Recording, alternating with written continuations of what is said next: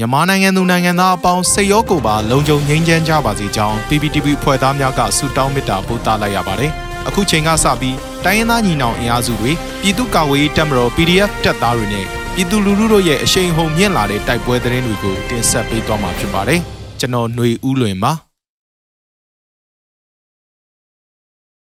ပထမဆုံးအနေနဲ့ KNL နဲ့တိုက်ပွဲများမှာစစ်အရာရှိ6ဦးထပ်မံတေဆုံးထိခိုက်ပြီးနောက်စစ်ကောင်စီကအင်အားဖြည့်ထိုးစစ်ဆင်လာရမှာ လေးကီကောအပါအဝင်မြောက်ဥရီနေရာတချို့မှာတိုက်ပွဲများဖြစ်ပွားနေတဲ့တဲ့ရင်ကိုတင်ဆက်မှာပါ။ကရင်ပြည်နယ်မှာဒီဇင်ဘာလ15ရက်နေ့မှစတင်ပြီးလေးကီကောမြို့သစ်ကိုစစ်တပ်ကဝင်ရောက်စီးနင်းမှုကြောင့်တိုက်ပွဲများဖြစ်ပွားလျက်ရှိပြီးစစ်တပ်ကထပ်မံအင်အားဖြည့်ကထိုးစစ်ဆင်လာကြောင်းလေးကီကောအပါအဝင်မြောက်ဥရီမြို့နယ်တချို့နေရာများမှာယနေ့တိုက်ပွဲများပြန်လည်ဖြစ်ပွားနေကြောင်းစစ်ရေးသတင်းရက်ကွက်များထံမှသိရှိရပါတယ်။ဒီနေ့မနက်ပိုင်းဖအံကတန်ကြက်ကကားနှစ်စီးပါဝင်စစ်တပ်ကား14စီးမြောက်ဝရီဘက်ကိုဆင်းလာနေကြောင်းတောင်ငူမှာစစ်ရဟတ်ရင်နှစ်စီးလည်းပြန်တန်းသွားပြီး ဖအံဘက်ကိုဥတီနေကြောင်းဒေသခံတွေကပြောဆိုကြပါရယ်လက်ရှိမှာအရှိတောင်တိုင်းစစ်ဌာနချုပ်ကဒုတိယတိုင်းမှုဦးဆောင်တဲ့စစ်ကြောင်းတစ်ခုလည်းကင်းပြည်နယ်ဘက်ကိုထုတ်ခွာလာပြီးကော့ဂရိတ်မှာခိတ္တရောက်ရှိနေကြောင်းကော့ဂရိတ်ဘက်မှာစစ်ရင်အားအများအပြားတိုးချလာကြောင်းမြောက်ဝတီဘက်သို့လည်းစစ်ရင်အားများတိုးချဲ့လာနေကြောင်းစစ်ရေးသတင်းရက်ကွက်တွင်မှသိရှိရပါတယ်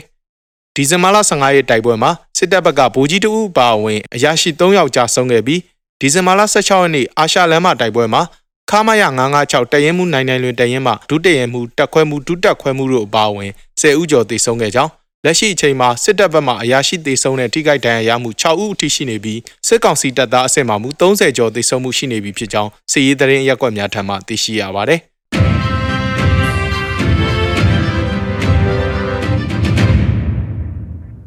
ဆက်လက်ပြီးချောင်းမြို့နယ်အတွင်းစစ်ကောင်စီရင်နှန်းမိုင်းခွဲခံရလို့စစ်သား6ဦးသေဆုံး2ဦးဒဏ်ရာရတဲ့တဲ့ရင်ကိုတင်ဆက်ပေးမှာပါ။ စကိုင်းမြို့မှာမုံရွာဘက်ကိုထွက်ခွာလာတဲ့စစ်ကောင်စီရင်နှန်းကိုချောင်းမြို့နယ်ငရှန်ကျေးရွာနဲ့နိုင်ရကန်ကျေးရွာအကြားမှာယမန်နေ့ဒီဇင်ဘာလ18ရက်နေ့မှာဒေသခံပြည်သူ့ကာကွယ်ရေးမဟာမိတ်အဖွဲ့ကမိုင်းဆွဲတိုက်ခိုက်ခဲ့ရာစစ်သား6ဦးသေဆုံးပြီး2ဦးဒဏ်ရာရရှိကြောင်း TGR မြောင်တပ်ဖွဲ့ထံမှသိရှိရပါတယ်။စကိုင်းကနေမုံရွာဘက်ကိုလာတဲ့စစ်ကားကိုမြင်းမှုနယ်ချောင်းဦးကြားကငရှန်တဲ့နက်ရီကန်ကြားမှာတိုက်ခိုက်ခဲ့တာလို့ TGR အဖွဲ့ဝင်တအူးကရန်ကုန်ခေတ်သစ်ကိုပြောဆိုပါတယ်။အဆိုပါမိုင်းဆွဲတိုက်ခိုက်မှုကိုမြောင်မြို့နယ် TGR ပြည်သူ့ကာကွယ်ရေးတပ်ဖွဲ့ YFPDF မဟာမိတ်အဖွဲ့ကပူးပေါင်းလှုပ်ဆောင်ခဲ့တာဖြစ်ကြောင်းသိရှိရပါတယ်။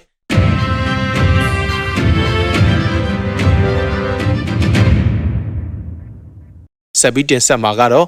ဘီလင်း7000စိတ်ကြီးရွာရှိစစ်ကောင်စီ BGF ပူးပေါင်းစခန်းကို KNL ပူးပေါင်းတပ်ကတိုက်ခိုက်ပြီးမိရှုဖျက်ဆီးကစစ်ကောင်စီတပ်သား9ဦးကိုဖမ်းဆီးရမိတဲ့တဲ့မှာ KN မျိုးသားစီယုံ KNU တပ်မဟာ1နယ်မြေတွင်ရှိဘီလင်းမြို့နယ်7000စိတ်ကြီးရွာရှိအကြမ်းဖက်စစ်ကောင်စီတပ်နဲ့ကရင်နယ်ကြားဆောင်တပ်ပူးပေါင်းစခန်းကိုဒီဇင်ဘာ18ရက်နေ့ယမန်နေ့ညပိုင်းမှာ KNL တပ်မဟာ1တပ်ဖွဲ့နဲ့ PDF ပူးပေါင်းတပ်ကတိုက်ခိုက်သိမ်းပိုက်မိရှုဖျက်ဆီးနိုင်ခဲ့ပြီးစစ်ကောင်စီနဲ့ BGF တပ်ဖွဲ့ဝင်9ဦးကိုဖမ်းဆီးရမိခဲ့ကြောင်းသတင်းရရှိပါတယ်အဆိုပါစခန်းကို KNL ပူးပေါင်းတပ်ကတိုက်ခိုက်သိမ်းပိုက်ပြီးကရုတ်ချင်းများကိုဝင်ရောက်ရှင်းလင်းစဉ်စစ်ကောင်စီနဲ့ BGF တပ်ဖွဲ့ဝင်9ဦးကလက်နက်ချအဖမ်းခံခဲ့ကြောင်း KNL ပူးပေါင်းတပ်မှတအူးကြဆုံးက၄ဦးဒဏ်ရာရကြောင်း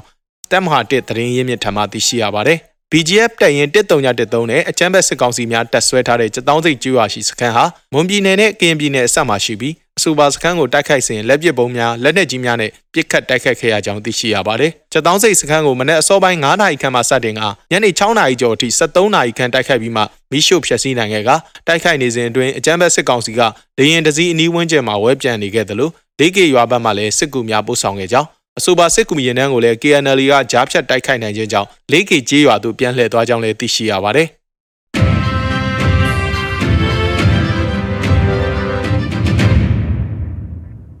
နောက်ဆုံးအနေနဲ့အမျိုးသားညီညွတ်ရေးအစိုးရပြည်ထရေးနဲ့လူဝင်မှုကြီးကြပ်ရေးဝန်ကြီးဌာနကဒီဇင်ဘာလ18ရက်ရက်စွဲနဲ့ထုတ်ပြန်တဲ့ပြည်သူ့ခုခံတော်လှန်စစ်တရင်အချက်လက်တွေကိုတင်ဆက်ပေးသွားမှာပါ။အာဏာသိမ်းအကြမ်းဖက်စစ်အုပ်စုရဲ့ပြည်သူလူထုပေါ်အကြမ်းဖက်ဖိနှိပ်ဖန်ဆီးတိုက်ခိုက်တပ်ဖြတ်နေမှုများကို ပြည်သူလူထုတရက်လုံးကအသက်ရှင်တန်ရေးအတွက်မိမိကိုယ်ကိုမိမိခုခံကာကွယ်ပိုင်ခွင့်အရာပြည်သူခုခံစစ် People's Defenses War ကိုဆင်နွှဲလျက်ရှိပါတယ်။တရင်အချက်လက်များအရ18ရက်12လ2021ရက်နေ့မှာစစ်ကောင်စီတပ်ဖွဲ့ဝင်58ဦးသေဆုံးပြီးတိခိုက်ဒဏ်ရာရရှိသူ18ဦးအထိခုခံတိုက်ခိုက်နိုင်ခဲ့ပါတယ်။စစ်အာဏာရှင်စနစ်မြမမြေပေါ်မှအပိတိုင်ချုပ်ငြိမ်းရေးနဲ့ Federal Democracy တိဆောက်ရေးအတွက်ငြိမ်းချမ်းစွာဆန္ဒပြတဲ့လူထုတပိတ်တိုက်ပွဲများကပြည်내နဲ့တိုင်းဒေသကြီးများမှာဖြစ်ပွားပေါ်ပေါက်လျက်ရှိပါတယ်။ မြေပြင်မှာယခုတွေ့ရတဲ့သတင်းချက်လက်များထက်ပို၍ဖြစ်ပွားနိုင်ပါတယ်ခင်ဗျာ။ရေတော်ဘုံအောင်ရမည်ရေတော်ဘုံအောင်ရမည်